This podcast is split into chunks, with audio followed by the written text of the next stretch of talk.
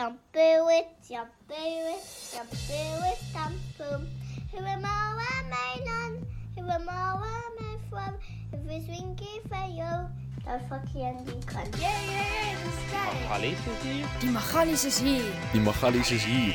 Kom sit, kom luister, dit het begin. Maak jou ore oop. Magali is hier, kom luister, kom luister. Welkom by Magalies Potgooi. Vandag is Hensoppersdag waar ons praat met Suid-Afrikaners wat reg oor die wêreld bly. As jy op 'n interessante plek bly en graag met ons wil praat, stuur 'n e-mail na magaliespodgooi@gmail.com. Geniet hom. Hallo hallo Evert, hoe gaan dit? Hallo, goed en self. Alright man, Jessie man, jy het man, jy het nie genoeg vriende nie, so ek probeer vir jou 'n braai organise.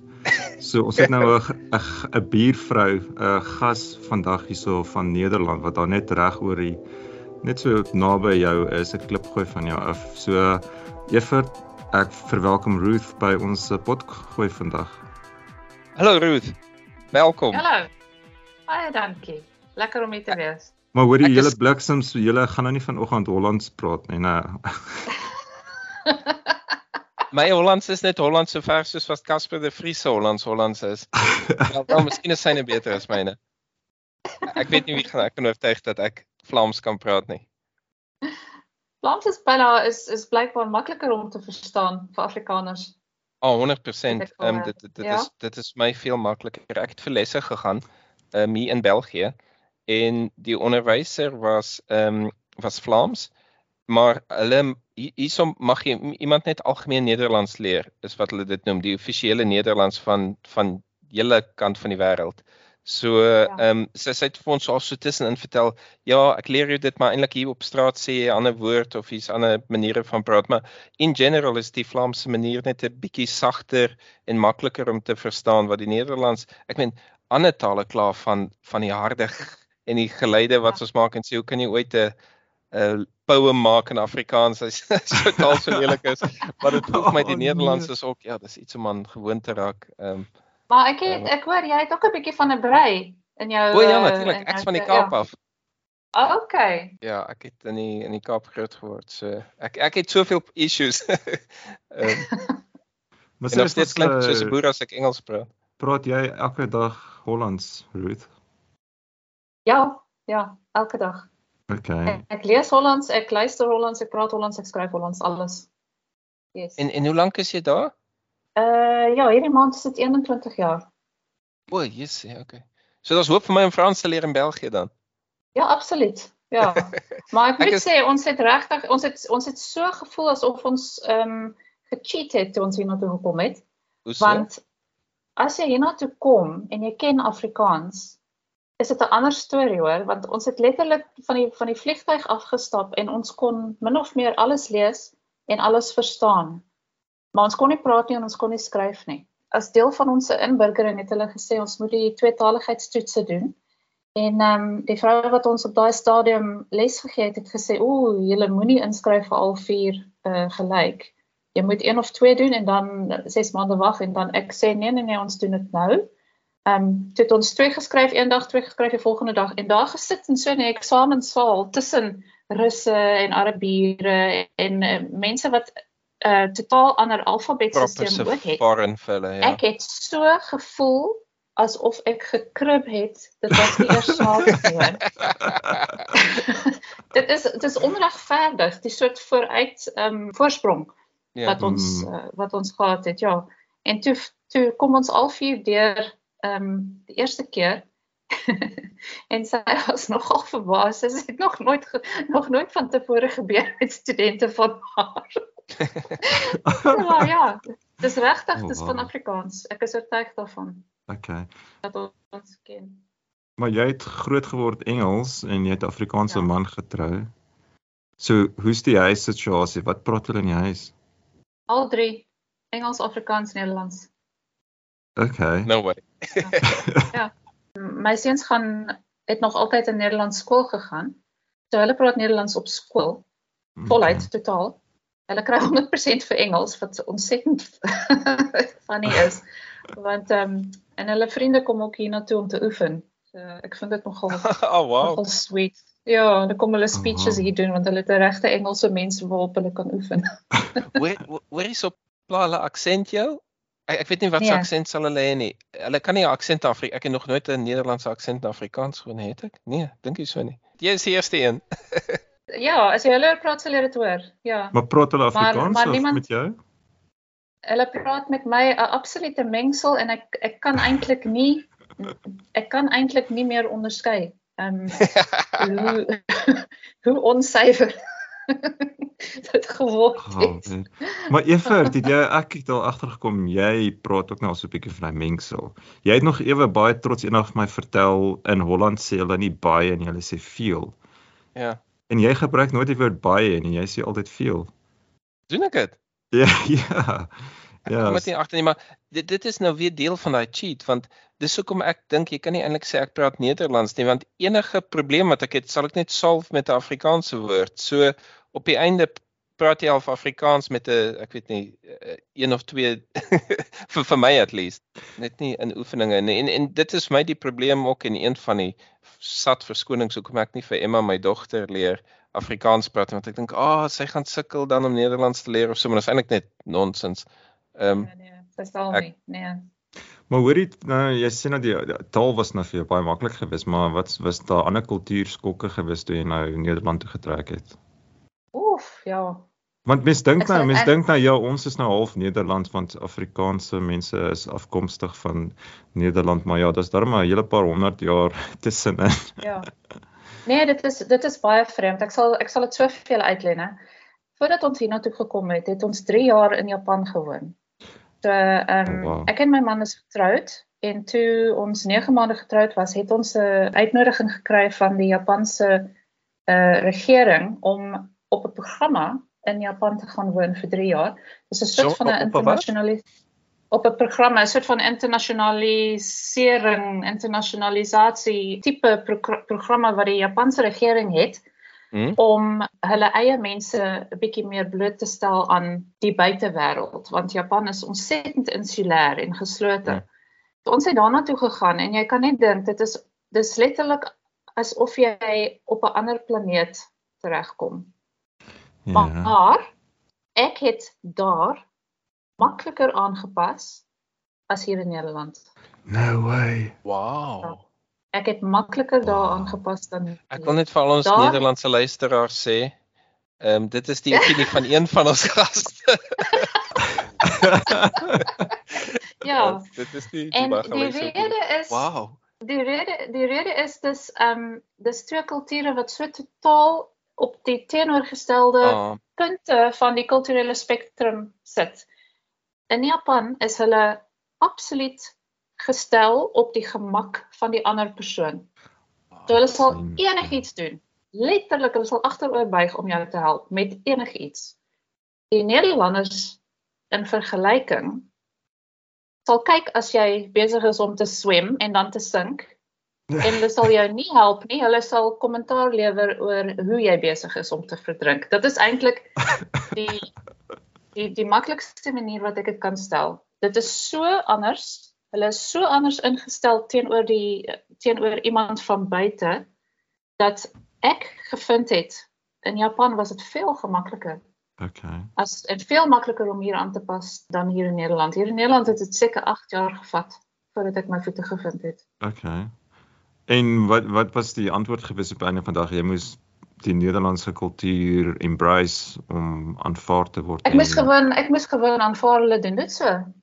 Okay. En ehm um, die dis die enigste manier. Jy aanvaar so is dit. So word dinge gedoen en ek moet dit ook so doen. En ironies wow. genoeg is is die ding wat my die meeste afgesit het en die meeste kwaad gemaak het en die meeste laat huil in die begin. Dit is Hmm. hulle absolute direktheid. Hulle hulle mors nie woorde nie uit. Amen suster. Amen. Oeh. Dit is so verskillend Meer wag so 'n bietjie, wag so 'n bietjie, wag so 'n bietjie. Meer direk as Afrikaanse Hulle mense. is hulle is 10 keer, 10 keer erger.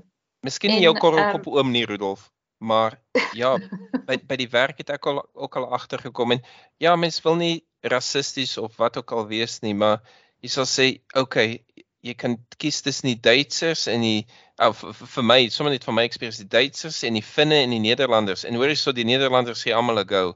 Hulle skiet so reguit soos kan kom. Ehm Ja, Ja, en die woorde is 'n bietjie brash. Dit, dit ek kan sien wat jy sê. Ek kan sien wat jy sê, Ruth. Totaal die opposite of wat ek sal dink Asiërs. Ek het nou nog nie met Japaneese te doen gehad, maar ek het al gehoor van hoe polite hulle is. Die Nederlandse, Ja. daar is nie iets van polite nie. As dit reg is, kan dit gesê word. As jy dink jy is Ja, reg, dan ehm um, Ja, ja. geen salf aan te smeer nie. Ja, nee, hulle is so en daai het my in die begin het dit my verskriklik ontstel. Ek het letterlik daagliks huis toe gekom in trane. Van dat Het jy dan gewerk dat vir, daar weer- vir vir Nederlanders of met Nederlanders? Nee, ek ek het nie gewerk die eerste 3 jaar wat ons hier was, het ek Mhm. nie gewerk want ek ek eh, mag nie mag nie gewerk het nie. Okay. Oh, bliksem, toe- Suid-Afrikaanse ja. kurs. Ek het op 'n spousal visum gekom Oh ja. en vir die eerste 3 jaar was dit nie toegestaan dat ek mag werk. As ek werk gesoek het, dan moes hulle eers die hele Europese Unie iemand anders voorgesoek het voordat ek mag ja, in aanmerking kom vir 'n posisie. Okay. En toe het ek gedink, nee, ek gaan dit nie doen nie. Ek gaan gewoon konsentreer op ander goed. So, ek het Nederlands geleer, ek het heel wat ehm um, gereis in daai tyd en ek het 'n klomp ander goed gedoen. Uh keramiek geleer, fotografie geleer, sulke soort goed. Oh, wow. Uh en toe aan die einde van die 3 jaar het ek 'n vrye werksvergunning gekry en dit beteken ek kon vir enigiemand werk, maak nie saak waar of wat nie. Maar toe het ek my eerste kind verwag. En ehm um, ons het of ek het besluit ek gaan dit nie doen nie. Ek gaan liewer by die huis bly saam met hulle. En ek is eintlik baie bly dat ek dit so gedoen het want die lewe het ons nogal 'n paar uh, rowwe klappe gegee die afgelope tyd. Maar my lewe hier is was nie 'n uh, 'n werkende lewe nie.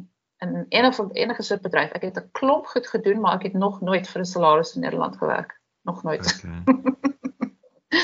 Ja. okay. Of vir 'n Nederlandse baas dan nie. High Hè? five. of vir 'n Nederlandse Nee. baas nie. Oh, wow. Nee, nee. Ek doen vrywilligerswerk, sulke soort goed en uh elke dag besig, maar nog nooit gewerk vir 'n vir 'n vir 'n baas nie. Nee. En dis my ander aspekte van Nederland. Ek meen ek onthou nou ons het op 'n stadium met ons in Edinburgh het ons nou daar gaan kuier.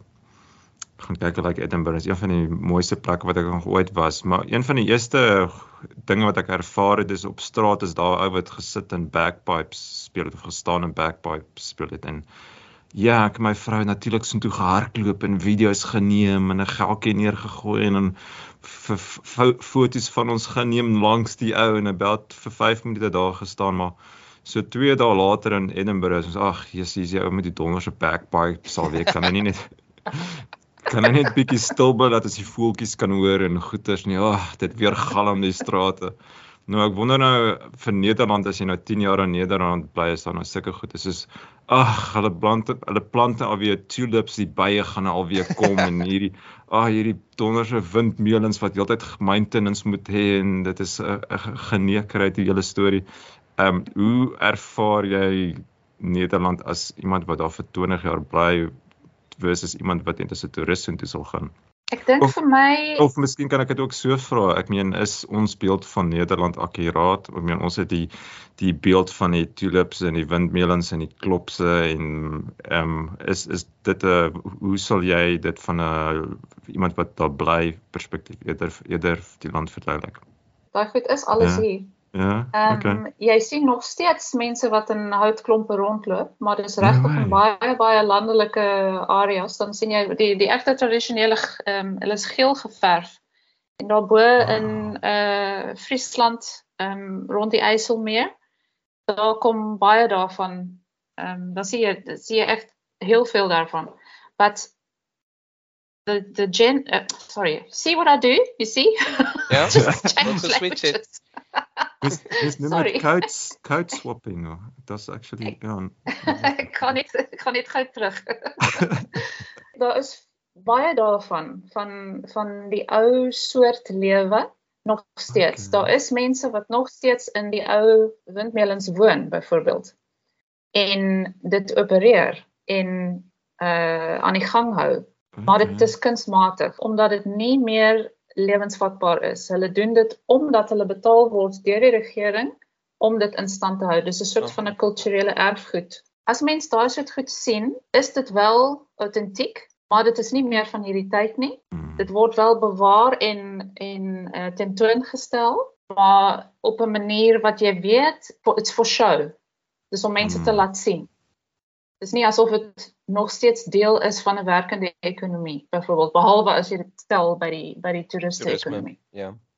So as jy byvoorbeeld na ehm um, na 'n plek soos Kinderdijk na toe gaan, Kinderdijk. daar het hulle ja, Kinderdijk is is 'n um, is 'n baie baie mooi stuk kulturele erfgoed. Daar staan weet nie hoeveel windmolens van die ou soort daar waar hulle nog steeds werk op die ou manier en met daai enorme groot skroewe die water se pomp uit die polder uit.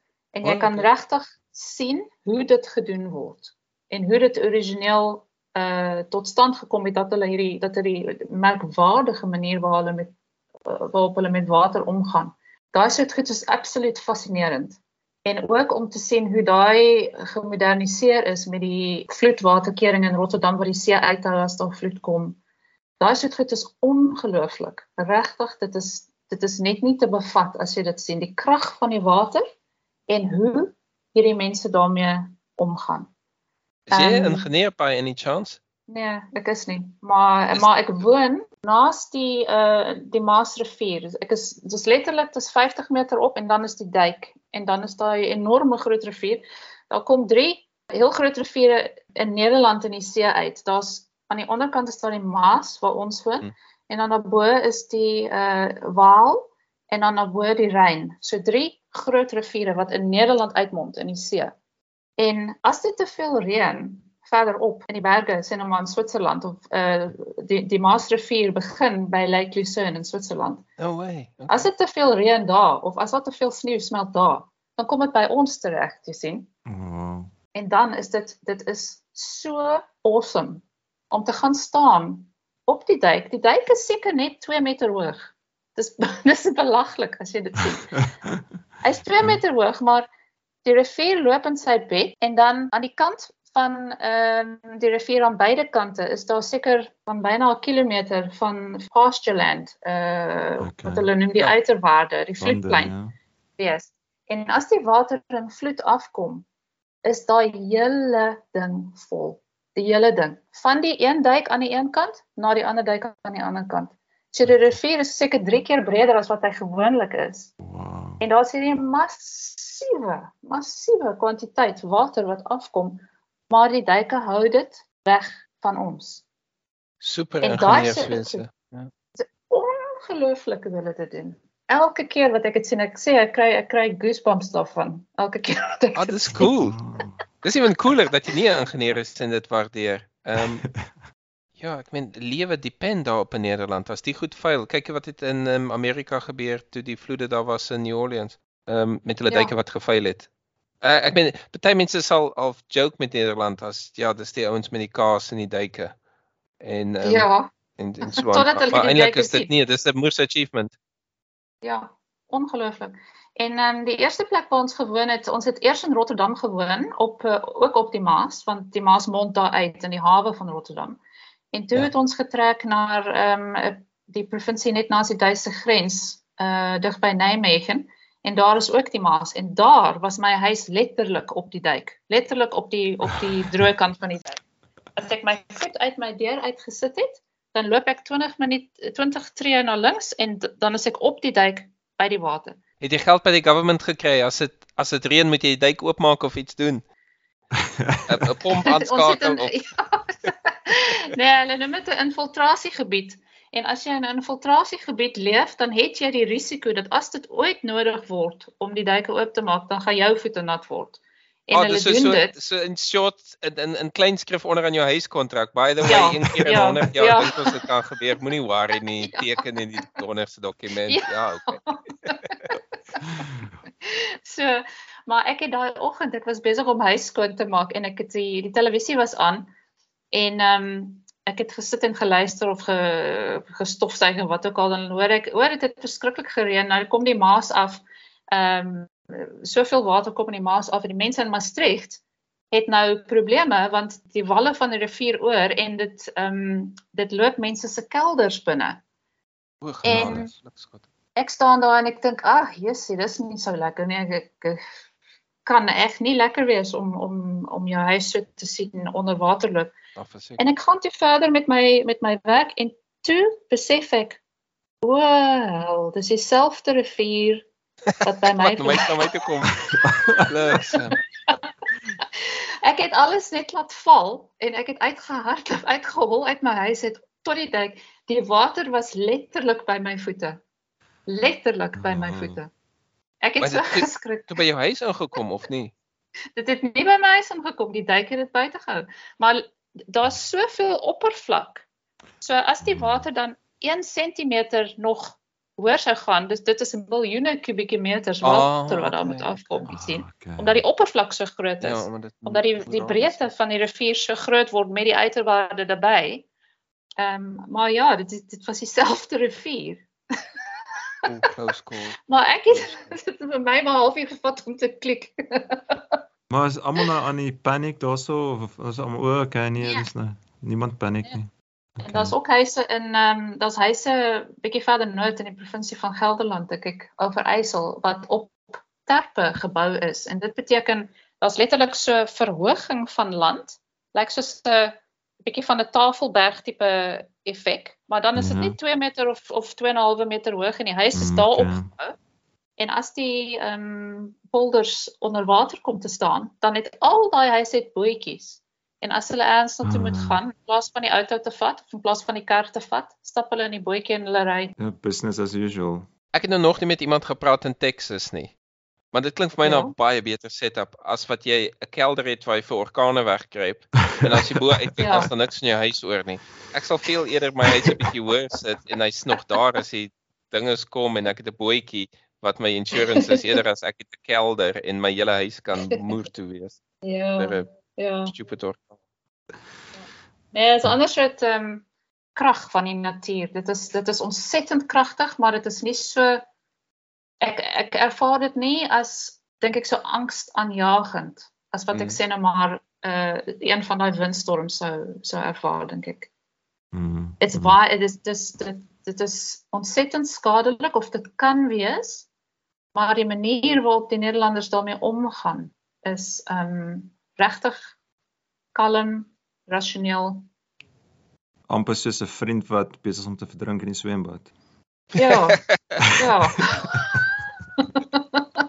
hulle sal hom help, maar hulle sal baie nice wees daaroor.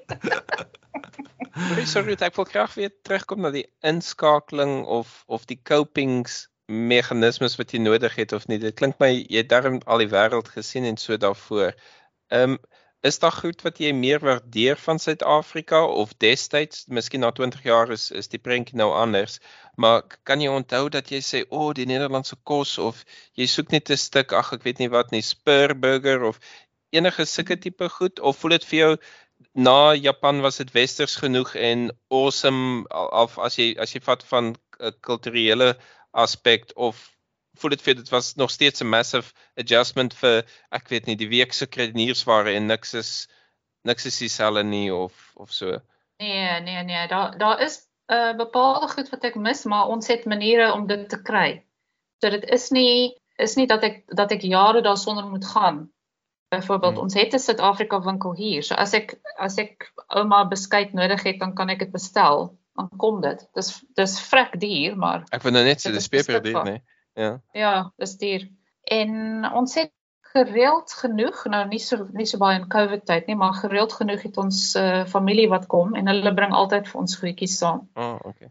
Maar ek moet sê, ehm um, ek dink vir my is die ding wat ek die meeste mis is, is nie die weer nie.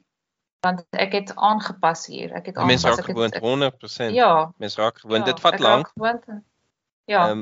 Ehm maar as jy die regte klere het, jy sê ek was so stupid met klere. ja. want ek kom van Pretoria af wat die weer vir 10 maande nice is. Ek het altyd gedink is vreemd dat mans dra serpe. Wat 'n man dra serpe. Ja. Kom gou daar, ah, dit werk. en warm handskoene en ja, jou baadjie Ja. moet kan nie van leer gemaak wees met oop arms nie want dan waar die wind in, jy het Ja. iets warm nodig Ja. wat teen in jou vel sit. Is sulke goed. Maar ja, ek was stupid. ja, Dis sulke goed wat ja. gehad en Nee, daai Suid-Afrika. tyd het ons maar het ons van my aangepas en af en toe het ek so gevoel van peppermint crisp mis ek verskriklik baie. Ah, okay. Ja. Peppermint roomys kry jy hier nie. Weet jy wat ek ontsettend mis is gedroogde perskus. Daai daai kom ek altyd met 3 of 4 sakke terug as ek terugkom. Ja, as ek as ek tuis was. Ja. Okay. Maar hoor jy so, Evert gaan miskien kwaad vir my wees want hy weet ek is so obsessief oor fietsry en ek weet nou ek het op Natuurlik.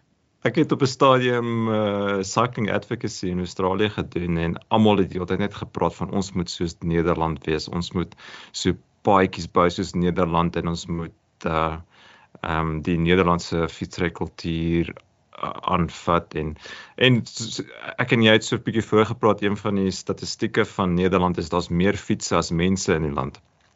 Hmm. So is my beeld van Nederland enigstens akkuraat. Is dit ry jy elke dag fietsry werk toe? Is dit Utopia. Ja. is dit die Ja. fietsry utopia? Dit is. Altyd ons is nou ons is in hierdie huis wat wat meer fiets as mense betref. Uh net net hierdie huis, ons is Ja. 4 mense, maar daar's 7 fietsse in die garage. Oh, oh, wow. Kan ek net sê Rudolf, jy hou van voëls, né? Ja. Maar as jy in Londen gaan en daar's net donderse pigeons everywhere, dan dink jy nie meer voëls is so cool nie. Ek, ek dink dis dieselfde met die fietsse in Nederland. Hulle vervuil. Jy kan nie oor 'n straat loop, jy moet sewe keer links en regs kyk want as jy nou nie weet jy moet nou vir die tram kyk en die karre en die fietsse en daar's fietsse oral. Ek is al hoeveel keer so verskree in die Nederlands van voor 'n fiets inloop. Ja, sien dit het my wel ek ek het nog nooit daar lank gebly nie, maar die paar keer wat ek daar was, elke okay, ek moet nou onthou van die fietsse. Laat ek nou probeer om nie iemand af te pis nie.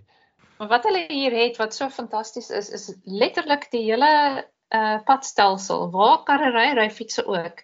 En dit is dit is apart. So of jy ry op 'n op 'n ding met 'n met 'n actual skeiding tussen Mhm. die karre en die fietsse, so 'n berm of of iets, of jy Mhm. ry die karre ry op swart teer en die fietsse ry op rooi. Uh dis 'n is 'n onderskeid met kleur gemaak. En die ding van Nederlanders die rede hoekom uh mense in karre so goed oplet vir mense op fietsse is omdat die mense in karre ook fietsers is. Ja. Hulle is net besig Ah, daai okay. spesifieke dag om iets in 'n kar te doen. Hmm. Sê nou maar hulle moet verder gaan of hulle moet na IKEA gaan of wat dan ook, maar normaalweg ry daai mense ook fiets. Hmm. So dit is dis 'n land van fietsers wat Mhm. ook kar ry. Dit is wat dit moontlik maak dink ek want hulle let almal op en dit is die geheim daarvan. Almal moet oplet, almal moet weet hoe dit werk. Almal moet weet hoe dit werk Hmm. Omdat hulle dit ook doen. En omdat hulle dit doen, verstaan hulle, as hulle nou in 'n kar sit, hulle verstaan presies wat hulle moet doen met fietsse omdat dit eintlik meer andersom Die rolle is omgeruil mees van die tyd. Ja, dit is wat dit uh so fantasties maak dink ek. Daar is totale begrip vir fietsers omdat almal fiets. Daarom. Is daar iets soos 'n goedkoop fiets in Nederland? Dit voel my fietsse is so Ja, donder hè? duur. Ek kan nie glo nie. Is dis dit Nou, hulle is baie duur. As hulle dit nie wil koop, is dit ontsettend duur. Ek het nou net uh onlangs gekyk. Ek het gedink, ja, jy sien, miskien moet ek eintlik van die kar af um, gaan want Hm. ek is eintlik lus om 'n elektriese fiets te kry. Oh ja. En uh maar hier, die goed is duur, is baie duur. Vir ons die Nederlanders daar, die ouens wat so uitgesproke is, sal hulle nou sê jy cheat as jy as jy elektriese fiets het. Nee. Dat jy nou nie Maar old jy school jy misverstaan die fietsry kultuur, Evert. So die die woord wat Ruth gebruik het is fietser. So in Afrikaans en in Engels ook in Engels is dit 'n cyclist. Nou in Australië as jy praat van 'n cyclist dan dink hulle iemand wat 'n uh, lycra het en 'n sportfiets het Groot en bobene, ja. En op Ja. jou vloek as hulle verby jou ry want hulle is haastig en hulle wil hulle re- rekord breek en so aan en geskeurde benare en so aan. Maar in Nederland is daar uh, twee verskillende woorde. Daar's 'n fietser en dan dink ek is die ander woord is 'n fietsrenner of so iets, iemand wat kompetisie fietsry. Ja. So 'n gewone mens wat net werk toe fietsry is 'n fietser en dit is ja, jy sit lekker rustig, hulle dra nie eens helmets nie, jy sit net in Ja. cruise werk toe want jy ry na werk, jy wil ook nie sweet nie, so jy jaag nie. fair So- play vir daai deel. Ja. Ja, so dis heeltemal 'n ander kultuur as dis nie ja, mense ry nie met hulle carbon fiber fietser rond nie. Dis lekker Ja. rustig ehm um, en jy, jy het so wat noem hulle upright bike. Ek weet nie of jy, jy of- Ja, dis reg. Hulle sit almal regop regop. en Mm. en die meeste mense ehm um, die meeste wat so ry, almal ry so. Dis daai soort fiets waarop jy regop sit en hy het gewoonlik so krat ook voor vasgemaak aan die ehm um, aan die stuur en agterop ook. Ehm um, daai soort fiets noem jy 'n ouma fiets. En letterlik almal ry ouma fietsse. Nie net oumas en oupas nie, maar Ah. skoolkinders. Dit so My seun my seun van 15 van en van 17 ry ouma fiets skool toe. Almal ry dit. En hulle het die lae instep ook, né? Jy hoef nie jou been oor Ja. te gooi. Hulle het nie 'n mansfiets en almal het sommer net die lae en jy kan maklik oorklim en jy hoef nie 'n broek te Ja, skeer as jy opklim nie. Heel veel van die van die seuns ry op meisiesfietsse hier uh, Ja. omdat hulle nou de- agtergekom het. Is eintlik veel makliker om Ja, uh, baie Dis- dis so baie gemaklik. maklik om dit op te sit. Ja. Ja, Ja. dis so gemaklik en dis ook veiliger want as jy as jy 'n wobble het, jy spring baie maklik af. Die O, okay. Ja. Abandoned Ja. bike. Daar is mansfietsse, daar is daar is 'n klomp wat mansfietsse het wat nog steeds uh, soos my ander seun, my jongste seun, hy weier om op 'n meisiesfiets te ry. Die oudste het ook in die begin geweier. Maar toe het sy beste vriend gekom met 'n meisiesfiets en hy het dit probeer. En hy het net so Ja, omgeswaai. Mm, sin. Ja, dit wil ek ook. Ja, dis so gemaklik om so te ry. En hulle ry van kleins af skool toe as ek reg is. ja. Ja, Dis- ja. Oggend jy sit hulle op hulle fiets en jy sê vir daar sy gaan skool toe en hulle hulle ry op hulle eie Ja. tot by die skool is 100% veilig en Ja. dis, dis absoluut die kultuur. Okay. Ja, en dit is ongelooflik. En ehm um, as hulle nou hoërskool toe gaan, dan is dit normaalweg dat die hoërskool verder weg is en dat jy sê nou maar as jy as jy dit nie so goed tref, dan moet jy 20 km fiets om om 20 eh, km, wow. Wow, okay. ja, by die skool te kom. My seuns fiets dink ek 7 km een rigting en 7 terug, so dis 14 'n dag net Oh, vir- vir distance, skool en ja. terug. Ja. En ehm um, maar kinders wat verder weg is, dan moet hulle 20 km ry, 25 km. En sulke kinders sal dan nie altyd nie, maar soms sal hulle 'n elektriese fiets kry van hulle ouers as 'n as 'n persent. Dat hulle Hmm. dit net 'n bietjie makliker maak Mm. want om in wind en reën daai 20 km te doen, dis nogal te vra nogal deursettingsvermoë, Ja, moet ek sê. Ja, ja. Alright, ek dink dis genoeg van fietsse eef voordat Evert my afskop. Ek wil vra, ek weet nie, ehm um, was die ou ooit in jou kultuur nie? Ek onthou ons studente was, het ons dink hy's moers snaaks. As jy nou eers in Nederland bly, is enigiets wat Casper de Vries sê nog snaaks of is die is die novelty of ek lag altyd vir die Belgiërs. Ek vertel vir hulle daarna binne, dis vir Belgies. Sy's 'n freaking wonder in Suid-Afrika en uh, hulle sê ja, so nou dan kom daar Suid-Afrikaner daar daar by hulle of hier by hulle in België aan. Dan sit ook nou, "Ag oh, ja, so so vreemd en cool en funny en so want ja.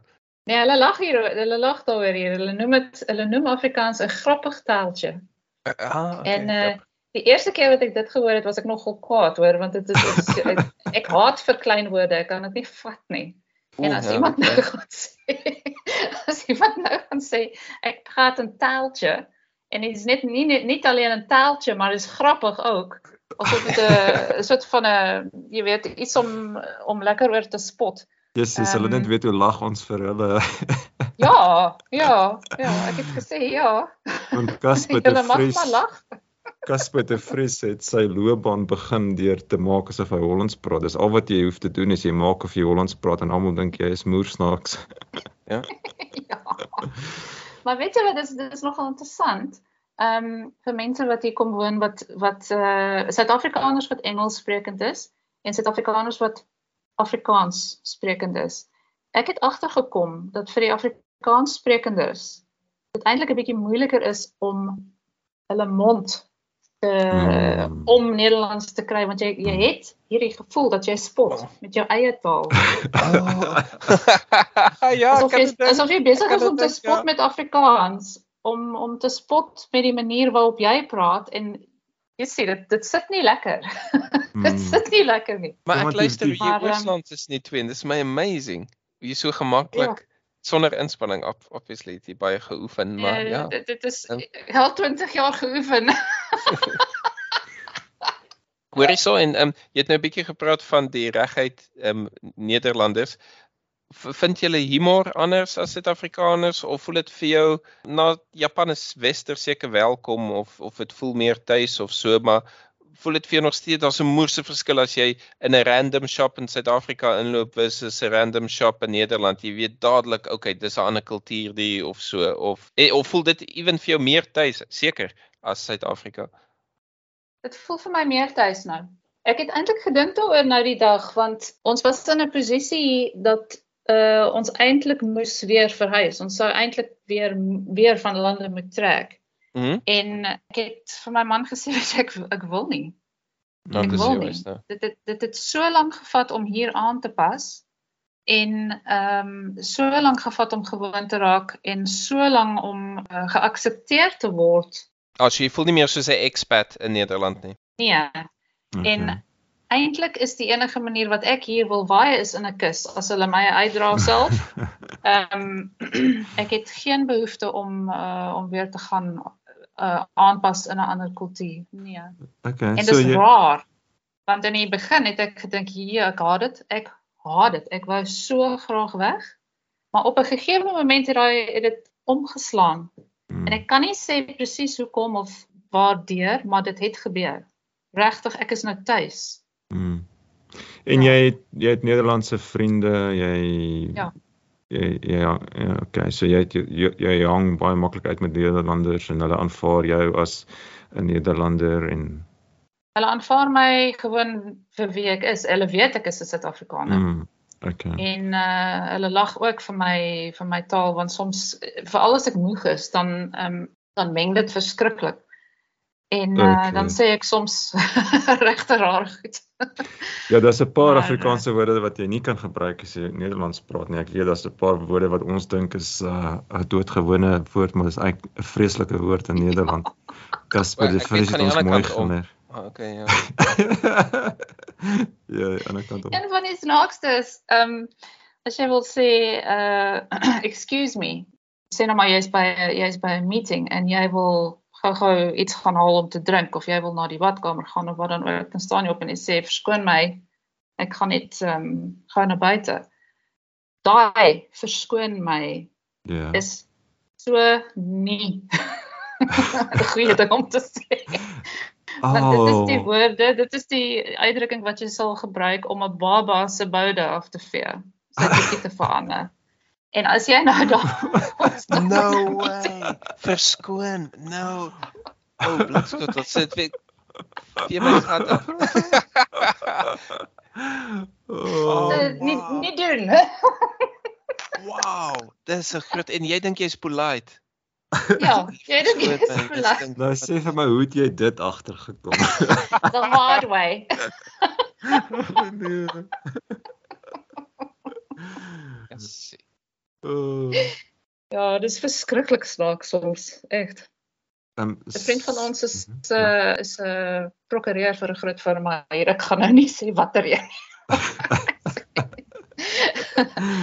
Toe hy net hier aangekom het, hy's ook Afrikaans en hy hy praat net, hy alles kom net uit. En uh, hy was op pad na 'n besigheidsmeeting saam met iemand en hulle moes ehm um, hulle moes by die een van hierdie ben, uh, Shell station of BP of iets stop vir petrol. En uh, hy gaan toe binne en hy sê hy maak vol. Hier moet jy dit self doen, hè. Jy moet self die petrol insit. Daar is nie Ja. iemand wat dit wat dit vir jou gaan doen nie.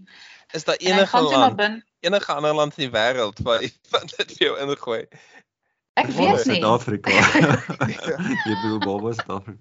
Ja, wel was Ja, dit man, ek sorry ons onderbreek nou jou storie, maar Ruth, ek het die eerste keer vir Evert gaan kuier in ehm um, Ierland en ek het Ja. actually 'n foto van hom geneem hoe hy sy kar volmaak want dit was vir my so Ah, dit's 'n deel van die nikkie. Ja. So- Ja. Maar gaan met ja, storie, ja. sorry. Uh, hulle het gestop by die BP en volgemaak en toe het um, die vriend van ons het na binne gegaan om uh, om te betaal. En toe pin hy daarvoor, hy swipe sy kaart en toe vra hy vir die girl, kan hy asseblief 'n slippie kry? Bedoelend dan 'n uh, kwitansie. Ja. En sy kyk vir hom en sy sê: "Meneer, dat hoef hier nie." En hy was so stom verbaas, hy kon nie verstaan wat hy gesê het nie. En hy gaan toe na buite en hy klim in die kar en hy sê vir die ou, luister hierso, ehm um, ek het vir 'n resiet gevra, maar sy het gesê nee. Sy sê nee, dit hoef nie. En die, sy sy kollega sê wat dit dit is baie raar. Hulle gee gewoonlik vir julle wel 'n resiet. Wat het jy gesê? Wat het jy gesê? Hy sê ek het vir Slippie gevra. En die ou sê magtig. Jy het vra jy het vir gevra vir 'n onderklere. So Ah, Slippie, die onderbroekie. O genade. So ja. Ons leer dit goed op die harde manier. Ek ja, ek dink regtig partykeer Suid-Afrikaners of of miskien mense van my portuïergroep of so, ehm um, idealiseer die buiteland of so dat dit ek weet nie ek dink dit fik sekere probleme maar dit skep ander is. Mm. Ehm ja. My pa het eendag vir my vertel iets van iemand se kind is 'n musikant en die arme kind moet ek weet nie by die konsert speel en by die ander konsert of so. En sê vir pa, ek het 'n land uit gegaan en ek het in die land gaan werk vir 6 maande en daai een gaan werk vir 12 maande. Ja, ja, ons almal het maar ek ek weet nie jy, jy kies wat vir jou gemaklik is en jy doen dit. Maar so soos wat jy gesê het met die ehm um, werksvisum Ruth, ja, sulke goed werk nie maklik nie en, en jy moet half gaan uitfigure wat is die reëls hoe dit werk en ambassades sukkel met jou en hulle vertel jou nie die volle prentjie altyd nie en vat lank en die goed. Daar's redelik baie werk wat jy moet doen om sommer net gou vinnig land te verander. Dis nie iets wat wat ek druk 'n knoppie en nou ewe skielik is dit daar en alles is fine en al my probleme wat ek gehad het in Suid-Afrika is gone of wat ook al. Ehm um, ja, dit dit vat maar groot aanpassing. Jy kan ja. miskien een probleem oplos, dis miskien veiliger, maar dan het jy 20 ander probleme wat jy nou moet- En dit sê nie dit sê nie dat ek nie wil teruggaan nie, maar ek ek dink dis dis baie interessant van wat jy gesê het van Japan. Jy verwag dat dit gaan rof wees of of, of ek, ek dink enige mens sal verwag dat daar gaan moerse kulturele verskille wees. En dan self oop daarvoor. Ek dink to- toe ek Ierland toe getrek het, vir my was die skok dat nee, dit is nie so alles is nie so verbeter nie. Daar's moerse aanpassings en dit was half die teleurstelling in my, ek weet nie naïwiteit of iets wat vir my 'n 'n 'n moeilike ding was om te sluk en al vir resistance teen die feit dat ek is nou in 'n ander plek en dinge werk alles ander hier. Daar's een of ander ek weet jy kan nie society om jou verander as ja, as jy in 'n ander land is nie. Jy moet net half dit volg en dit ja deel word daarvan. Ehm um, Ja, ek dink mense het een of ander uh, romantiese idee van immigreer, maar seker nie almal nie, maar dit is definitief baie harde werk om te immigreer. Ek meen ek is 100% ook gelukkig met my besluit, maar dis dis definitief nie maklike dinge en daar is soos wat jy sê, daar's ander probleme. I mean in Australië een van die grootste skokke was is al die reëls Evert, jy het ook al daaroor gepraat hoe ja, dit dit is elke hoe daar's so baie regulasies. Ek het gepraat oor die uh, fietsry. Dit klink miskien vir mense nie nou 'n groot ding nie, maar ja, in Australië as jy gevang word sonder om 'n helm met fiets te ry, het jy groot moeilikheid. Jy kan nie net vinnig af na die winkel toe ry met jou fiets en dink jy gaan die helm by jou los by die huis los nie. Dis dis uh groot boetes as jy gevang word en dis nou 'n eenvoudige voorbeeld maar ehm um, ek dink die mense besef regtig die impak daarvan dat in Australië is daar ongelooflik baie regulasies as jy Miskien een van 'n beter voorbeeld is as jy in 'n by 'n swembad is by 'n publieke swembad is en 'n 18-jarige kom sê vir jou jy mag nie dit of dat doen nie dan besef jy hoe gereguleerd die land is. Ehm um, so ja, daar daar is daar is elke land het maar sy eie probleme en dit voordele en nadele om in verskillende lande te bly. Ek maar ja, ek's baie gelukkig met my besluit. Ehm um, maar dit is definitief nie 100% sonder enige issues nie. Die ding wat ek die meeste van hou hier is dat dit veilig is. Dis wat ek die Mm. meeste van hou. En die relativiteit daarvan is vir my ehm um, baie duidelik. Ek het 'n buurvrou wat op die hoek van die straat woon en sy huis is rykieshuis. So dit beteken net die voorkant is ek kan net by die voorkant inkom, maar by haar Ja. huis is daar twee kante. Waar ons op die hoek is, ja. Ja, sy op die hoek is. Sy sê daai, daai feit dat sy twee kante het wat op die straat grens. Dit laat haar onveilig voel. En ek ek moet ek, ek probeer regtig hard om dit om dit ernstig op te neem, maar wragtig, as ek weg is van lag het. Want ons relatiewe idee van wat dit beteken is so totaal dit verskil so 'n wêreld van mekaar dat ehm um, Ja. jy nie eers kan begin dink as my huis twee hoeke het. Ja, is fantasties. Niemand gaan daar inkom nie. Dit is eintlik vir my een van die mooiste dinge van hier. Reels is ook hier oordonderend soms. Ek het nogal klomp Suid-Afrikaanse vriende wat hier gewoon het wat teruggegaan het Suid-Afrika toe omdat hulle daarmee nie nie kon lewe hier. Hulle het dit Mm. so beperkend gevind, hulle het dit gehaat. Maar die Okay. ding is, jy kry iets en jy gee iets terug. Dis reg. as jy nie ja. van die ja, as jy nie van die reëls hou nie, bly maar net stil daaroor en doen wat jy wil. En as iemand vir jou kom sê, luister dit mag nie, o, ek het nie geweet.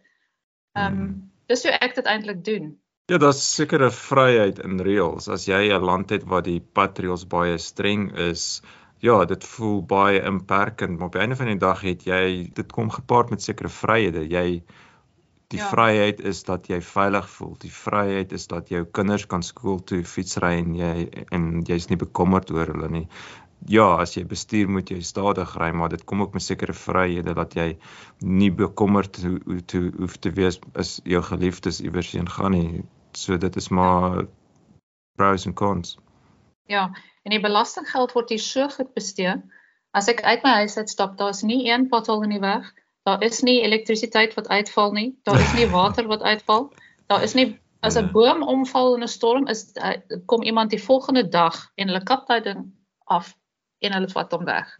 As Ja. enigiets verkeerd gaan, is daar binne 'n bepaalde tyd is dit opgeruim. So daai sit goed. Die die infrastruktuur van die samelewing is ontsettend goed gereël en jy kan dit sien. Jy kan dit Hmm. sien en jy jy profiteer daarvan. Elke dag, letterlik elke dag. Dit was nou een van my ag vrae wat ek vir jou het. Ek het vir jou 'n ag vrae Ah. spoedlys Okay. van van Nederlanders. Dit is nou met my bietjie die die 3 dae wat ek nou al in Nederland was in my lewe wat ek vir jou wil vra. 1. Dra alle mans regtig hairgel in Nederland. Ek het nog nooit 'n Nee. Nederlander mans gesien wat nie nat hare het nie. Nee. Nat gekrulde hare. nee. So dit is nie Daar's almal. baie wat dit nie dra nie. Nee. Maar almal is moerlank, né? Nee? Ehm Dit oor die my algemeen is opvallend- hulle langer dan die ander. Ja, as as ek as ek letterlik op ehm um, wat is nou die groot lughawe nou vergeet ek daar rondloop. Jy kan sien die mans is almal lank dink jessie, hier's klomp groot ouens. En dit voel Ja. meer soos Suid-Afrika. Die langste in Europa. wanneer- Ah, En okay. ek dink die vrouens ook, is hulle nie? Ek dink die vrouens is Mhm. nie noodwendig dis nie al die mans lank is nie. Die die hele die hele nasie is is lank. Ja, oor die algemeen is die die algemene uh lengte is langer dan die res van Europa. Ja, is reg. Mense is ook ongelooflik gesond omdat deel daarvan is fietsry sover ek verstaan. Men mense het 'n baie meer ja. aktiewe lewenstyl daar. So, so almal Ja. is gesond, lang maar aantreklike mense. Ja. Ja, hulle is so. Ja. Ek het uh, klomp kennisse wat by die 2 meter rondsweef hoor. Okay, Evert, gooi jou vrae. Ek daar's 'n slang, maar ek wil nou nie Nederlandse mense opset nie, so ek doen dit regtig in onkunde.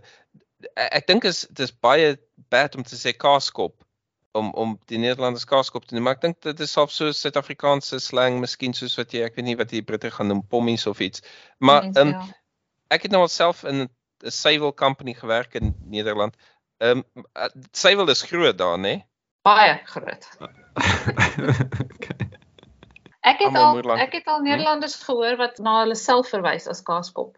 Hulle doen dit nie nie okay. nie baie nie, maar ek het dit al gehoor. Okay, so dis nie So- so so insulting. Wel, ek meen jy gaan Ja, ek dink nie so Hoekom nie. jy hoekom sal jy nou probeer om te kyk aan iemand insult maar dit is nie noodwendig 'n super skel woord nie.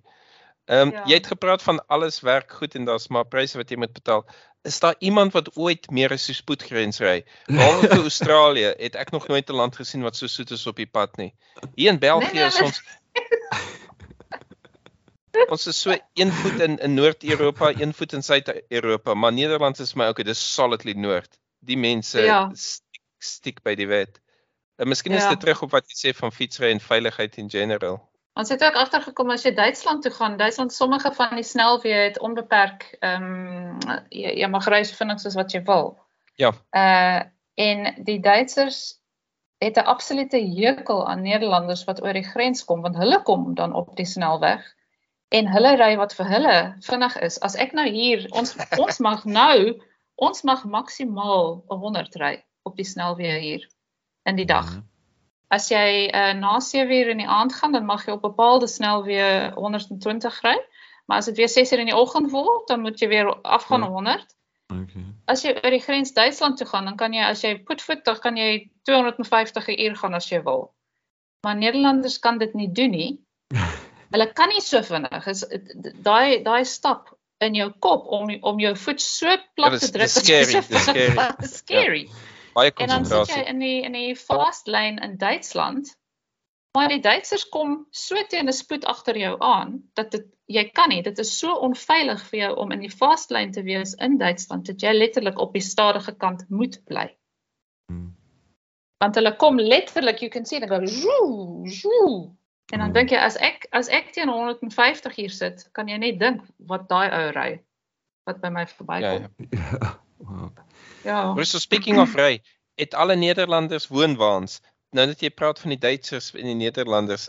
As jy nou met die Duitsers praat, dan sê hulle sê die Nederlanders kom altyd met hulle woonwaans hier aan en kom hou vakansie hier en so aan. Het jy nou al 'n woonwa gekoop? Nee. nee. Daar is baie wat dit het, maar nie almal nie. Hoor jy, ek wat nou nie 'n Hollander is of Nederlands verstaan nie, is 'n woonwa 'n karavaan. Caravan. Ja. Okay, Ja. dankie. Ons het 'n baie snaakse verhaaltjie, né? Daar's Suid-Afrikaanse vriende wat hier gewoon het tydjie gelede en hulle het toe besluit hulle gaan ry van hier af vir vakansie na die suide van Frankryk. Toe besef hulle dat hulle die hele sak met die baba se bottels by die huis vergeet het. Hulle het net een, net een bottel in die kar. So nou elke keer wat hulle nou vir die baba melk moet gee, melk moet aanmaak, dan moet daai stupid bottel gewas word, en ja. gesteriliseer en daarvoor moet hulle stop by petrolstasies om om die hulle het so travel ketel wat hulle wat hulle oral saamneem. Nou vat hulle daai travel ketel. Hulle gaan by die, by die toilet van die bensinestasie in. Dit prop die ketel in om die water te kook om die baba bottel skoon te maak. Sê my vriend Gideon, hy sê, "Weet jy Ruth, ek staan daar besig om my ketel te kook en daar kom hierdie belge in by die toilet en die eerste ding wat hy wat hulle sê is hierdie verdomde Hollanders. Hulle is so synig dat hulle nie eers koffie wil koop by die BP. Hulle kom, hulle maak hulle eie koffie. Hier in die toilet. Maar dit was nie vir koffie, dit was vir die baba se bottel. So dit, dit was nogal funny. Maar maar maar ons sê tog going Dutch of of is dit double Dutch of wat? As iemand moet Ja. betaal, as albei betaal Ja. op die date. So so daar's 'n Ja. bietjie truth daarin. As ek dit Huh? vir hulle gesê het, we are we going Dutch is, hè? Wat bedoel jy? 'n Uitspraak wat hulle hier het is ek trakteer, wat beteken ek betaal vir alles, maar dit Ah. hoor jy nie so vaak. hoor jy nie so baie. Dit is so gereeld. nie. So so na Nee. 20 jaar voel jy nou nie dat jy jou span verraai as jy nou sal sê wel ja, hulle trakteer jy Ja. nou nie so baie nie. ja. Wat ons wel doen is ons hou ons um, ons hou ons koekie blik hier by die huis as mense kom koffie drink, is, staan ons koekblik op die tafel en hy staan oop. Wat beteken dat jy vry is om 'n tweede een te neem as jy wil of 'n derde een te neem. Want dit het al met my gebeur dat ek uitgenooi is na koffie vir iemand, eh, by iemand. Ek gaan, hulle gee vir my een koekie, toe sy die blik toegemaak en toe sy dit onder haar stoel gesit. Dit was No nogal erg. Ja. Dit dit die eerste opmerking daarvan is wow, dit is baie punte teen teen Nederland. Hoorie sommer terwyl ons terwyl ons skinder van hulle vertel vir my wat is die beste kos wat jy kan kry in Nederland waarvan nee, nee, wat waarvan jy genuinely hou. Is daar iets want dit klink altyd vir my hulle is nie te hot op die kos gedeelte nie of is ek verkeerd? Nee, nee ek bedoel nou nie vir kaas en so dis duidelik gesond, maar is daar 'n dis wat hulle maak wat jy kan sê, "Jesus, ek weet nie, maandag melktert of whatever is awesome." Ehm um, nee, ek sou nie sê dis nie, maar ek sou wel sê dat die die suiwel hier, die suiwelprodukte is echt is uit die hemel uit. Dit is ongelooflik wat jy hier kan kry. Maar die kos, die die nasionale um, eetkultuur is wel heel uitgebrei, maar dan Mhm. in ander kulture in. So hulle eet baie graag Frans, hulle eet baie graag Chinees, hulle eet baie graag Indonesies. Okay. sulke soort goed, maar die die Nederlandse kos self is nogal eenvoudig. Dis werkerskos, aardappelbasis. Die dorpe en stede is daar al as jy by die, die binnestad is van elke stad, eh, lyk alles dieselfde. Almal het 'n Starbucks, almal het 'n het hulle franchises en sulke al common goed soos die Amerikaners. Ek bedoel nie common common nie. Net, net al daar's 5 tipe restaurante wat jy oral sien of is dit al meer hoe sal ek sê gesofistikeerd mom and pop shops en so aan. Ja, daar's baie daarvan. Baie baie klein goedjies, klein Ja. uh, ondernemer, ehm um, klein restaurantjies. Daar is die groot chains en daar is ook groot chains in winkel retail. Maar daar is heel wat wat regtig Nederlands is. Ek moet sê hierdie hierdie stad waar ons woon is nogal so dis 'n ou stad. Dit is middeleeus. Kan jy die naam sê? Sertogenbos. Kogombos. Ser Hertogenbos. Hertog. Okay, okay. Den Bosch for short. Ah, dan okay. Ja, So dit is 'n Maar- historiese stad sê of historiese ja, dorp. die historiese Ou stad, geboue middeleeuwse en- stad. Ja. Okay. En dis een van die enigste stede in of dis die enigste stad in Europa wat 'n Byzantynse kerk het waar 'n waterweg onder die kerk gaan. Hulle is baie trots daarop Okay. Dat jy actually met 'n boot onder die kerk deur kan vaar. Wow. Okay. Wow. Speaking of kerk, is is die Nederlanders, hoe sal ek sê kerkgaandend? Is is dit die woord? Is hulle Ja, los en baie rie? min, daar's seker seker 6% van die bevolking wat godsdienstig besig is. Daar's baie spiritualiteit. Hulle is soekend, hulle soek vir antwoorde. Everybody's looking for answers. Okay. Maar in die Christelike lo- Christelike geloof is daar min wat daar is is baie sterk, moet ek sê. Mense wat gelowig is is oortuig. Hulle neem dit baie ernstig, maar die meeste nie. Nee, dis egte post-Christelike samelewing. Hmm. En en as jy sê hulle is is- nou kyk ek eers woord in spiritual. Wat se tipe goed is dit dan? Dat mense eh, betekenis soek. They're looking for purpose. Maar maar dit klink meer na interaksies op 'n individuele vlak eerder as 'n groep of of voel jy jy sien dit so gereeld in mense dat jy aanneem dat almal het daai hoe sal ek sê die die neiging.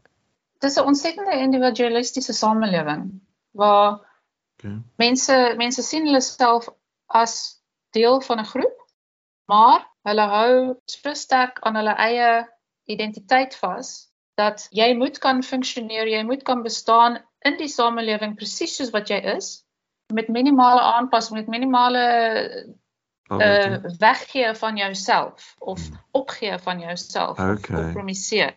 As jy dan besluit, goed, ek ek het nou niks met uh, Christendom, ek wil nie protestant wees nie, ek wil nie katoliek wees nie, maar ek het behoefte aan een of ander Community. diepere betekenis. Okay. Waar kan ek dit nou gaan soek?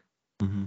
En hulle sal niks snaaks vind om dit in Zen te gaan soek of in Boeddhisme te gaan soek of in een of ander oosterse religie te gaan soek of ek sien ook nogal Nederlandse vrouens hier wat bekeer het tot Islam byvoorbeeld Oh, Oh. wow. Dit 'n ding. Wow. Dis wat gesluier interessant. rondloop. Ja, So, so dit So, is asof daar 'n gaping vir hulle is. Hulle in, Ja. is ja. There's like a there's like a a, a gap in the market.